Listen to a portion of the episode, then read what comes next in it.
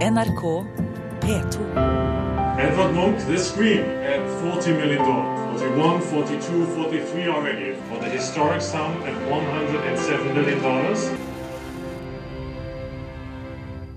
They do not understand that these paintings have been made with serious intentions, in suffering, that they are the products of nights without sleep, that they have caused blood and nerves. Ja, dette var altså Edvard Munchs eh, sitat eh, i lyd fra filmen Let the Scream Be Heard, en film om Edvard Munch, hvor eh, regissøren da spør seg i denne verden av 15 minutters berømmelse, hvorfor feirer vi Munch etter 150 år? Welcome to Kulturnytt, Dirash Akolkar. Thank you. My pleasure. You, you, you showed the movie to Norwegian journalists today. Were you nervous? I wasn't nervous really, but I was hoping that everything goes well. Yeah, yeah. Just, you know, the visual plays well and the sound is good and so on and so forth. No, I wasn't nervous. Han var ikke nervøs, eh, sier han. Han har altså da vist filmen til norske journalister i dag. Mer opptatt av at eh, alt gikk i orden.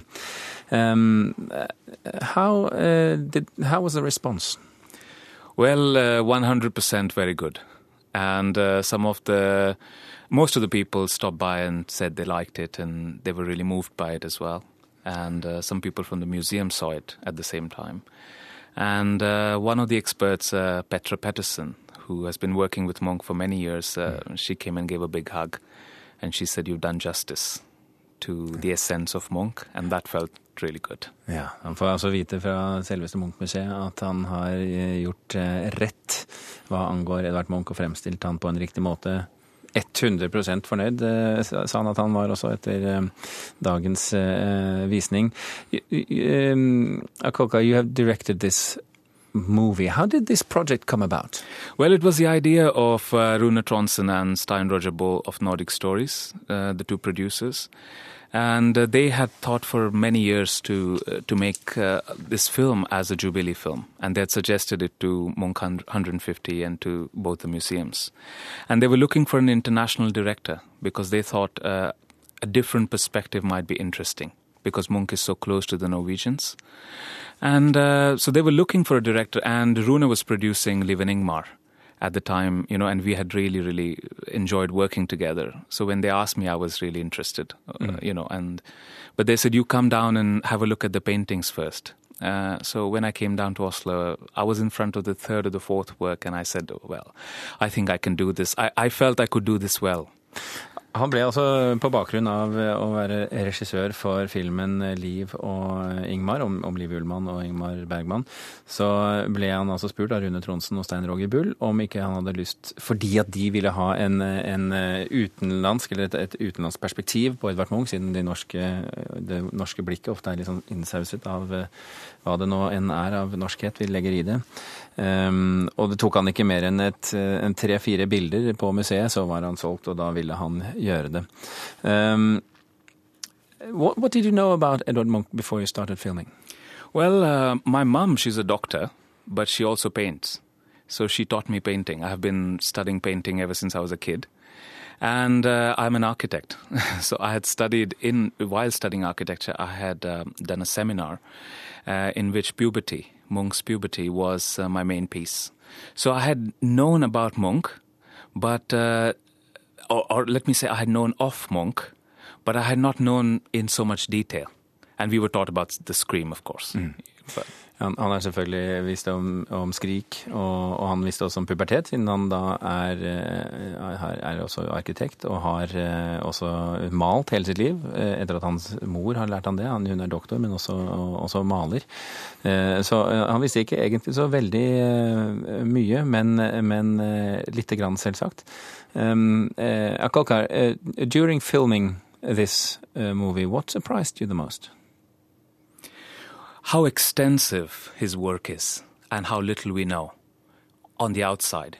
What I mean is outside Norway, uh, how little we know of Munch or how easy the association is with the scream for Munch, you know, and how much more exists. There are f- more than 40,000 works that this one man created in the era of uh, hand making, you know, in the era where printmaking became uh, popular at a later stage. But this is the one man with a team of people, of course, but created more than 40,000 works.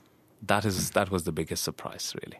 Den største uh, overraskelsen for eh, Kolkai var altså at det var så mye at over én mann hadde stått bak 40 000 eh, forskjellige eh, verker i, i, i, håndproduksjonens tidsalder. Um, og at dette Det er utrolig hvor mye, vi, hvor mye det er, og hvor lite vi egentlig vet, og da særlig utenfor Norge. Uh, Akolka, what are your hopes and expectations when it comes to this movie? I really, you know, before the beginning of the screening of, of any film, I really do tell the audience that there's no pressure to like it. And uh, I, I, know my my producer probably you know oh, oh don't say that, but but but I really mean it. What I feel the most important thing is that that people see the film. Uh, how it will touch them uh, also depends on them. It's not only the film's job, you know. It's also the audience. Uh, there is uh, when you, in, for example, when you go in front of the monk paintings, I really feel you have to be ready to receive as much as the painting is ready to give. Mm. So I feel that I, my only hope is that it reaches out to as many mm. people as possible. People see it. Det er litt på samme måte som når man ser et eh, Munch-bilde, at uh, bildet er én ting, men hvordan du oppfatter det er noe annet. Så han er veldig opptatt, uh, da sier han, at han vil at folk skal se den, og så mange som mulig, og at det ikke er noe viktig for ham egentlig at du liker den. Det viktigste er at du ser den. And tomorrow? It's shown in Mexico? Yes, uh, tomorrow it uh, opens. It's the inaugurating film for uh, DocsDF, which mm. is the big festival in Mexico City. And uh, So already somebody likes it, right? Already somebody likes it, yes. oh, well, 3rd of November is showing in Lubeck, 11th of December is showing in Berlin, uh, Vilnius. I mean, it's traveling. It started. The journey started. It's good. Uh, Agnes Moxnes, du har uh, sett denne filmen i dag. Det er 40 år siden det var en sånn ordentlig Munch-film. Eh, eh, burde det lages flere Munch-filmer etter å ha sett denne? Ja, altså Peter Watkins laget da den legendariske filmen om Edvard Munch. 40 år er gått, og det burde absolutt vært laget flere Munch-filmer. Det var NRK som produserte den etter at Peter Watkins sto på døra og banket på for å ba om å få laget den. Nå er situasjonen en eh, helt annen.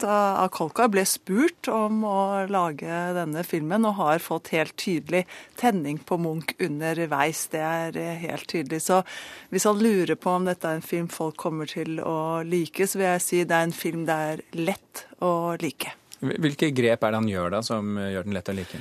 Det han gjør, er at han tar med seg, bringer seg selv inn i historien. Altså Her kommer det en kar fra India eh, som egentlig ikke kjenner Edvard Munch så godt.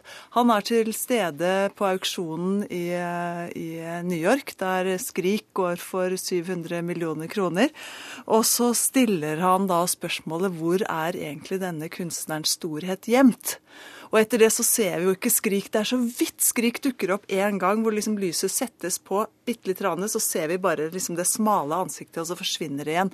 Og resten av filmen handler om den andre produksjonen til, til Edvard eh, Munch.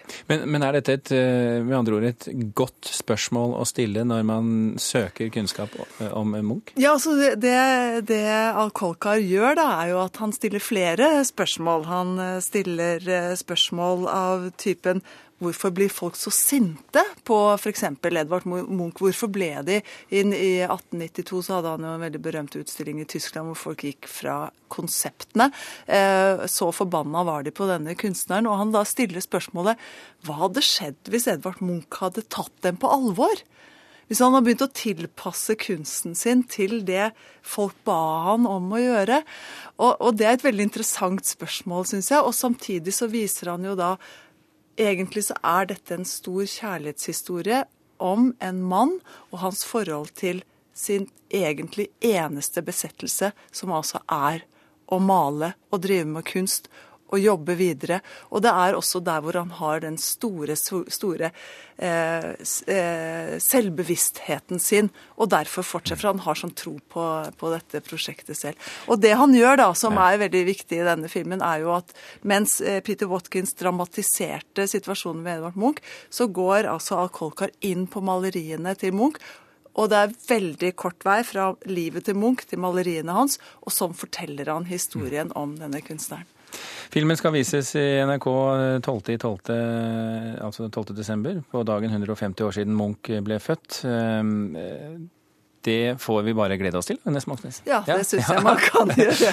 Agnes eh, Moxnes og Diraj Akolkar, tusen hjertelig takk for at dere kom til Kulturnytt. Hør flere podkaster på nrk.no podkast.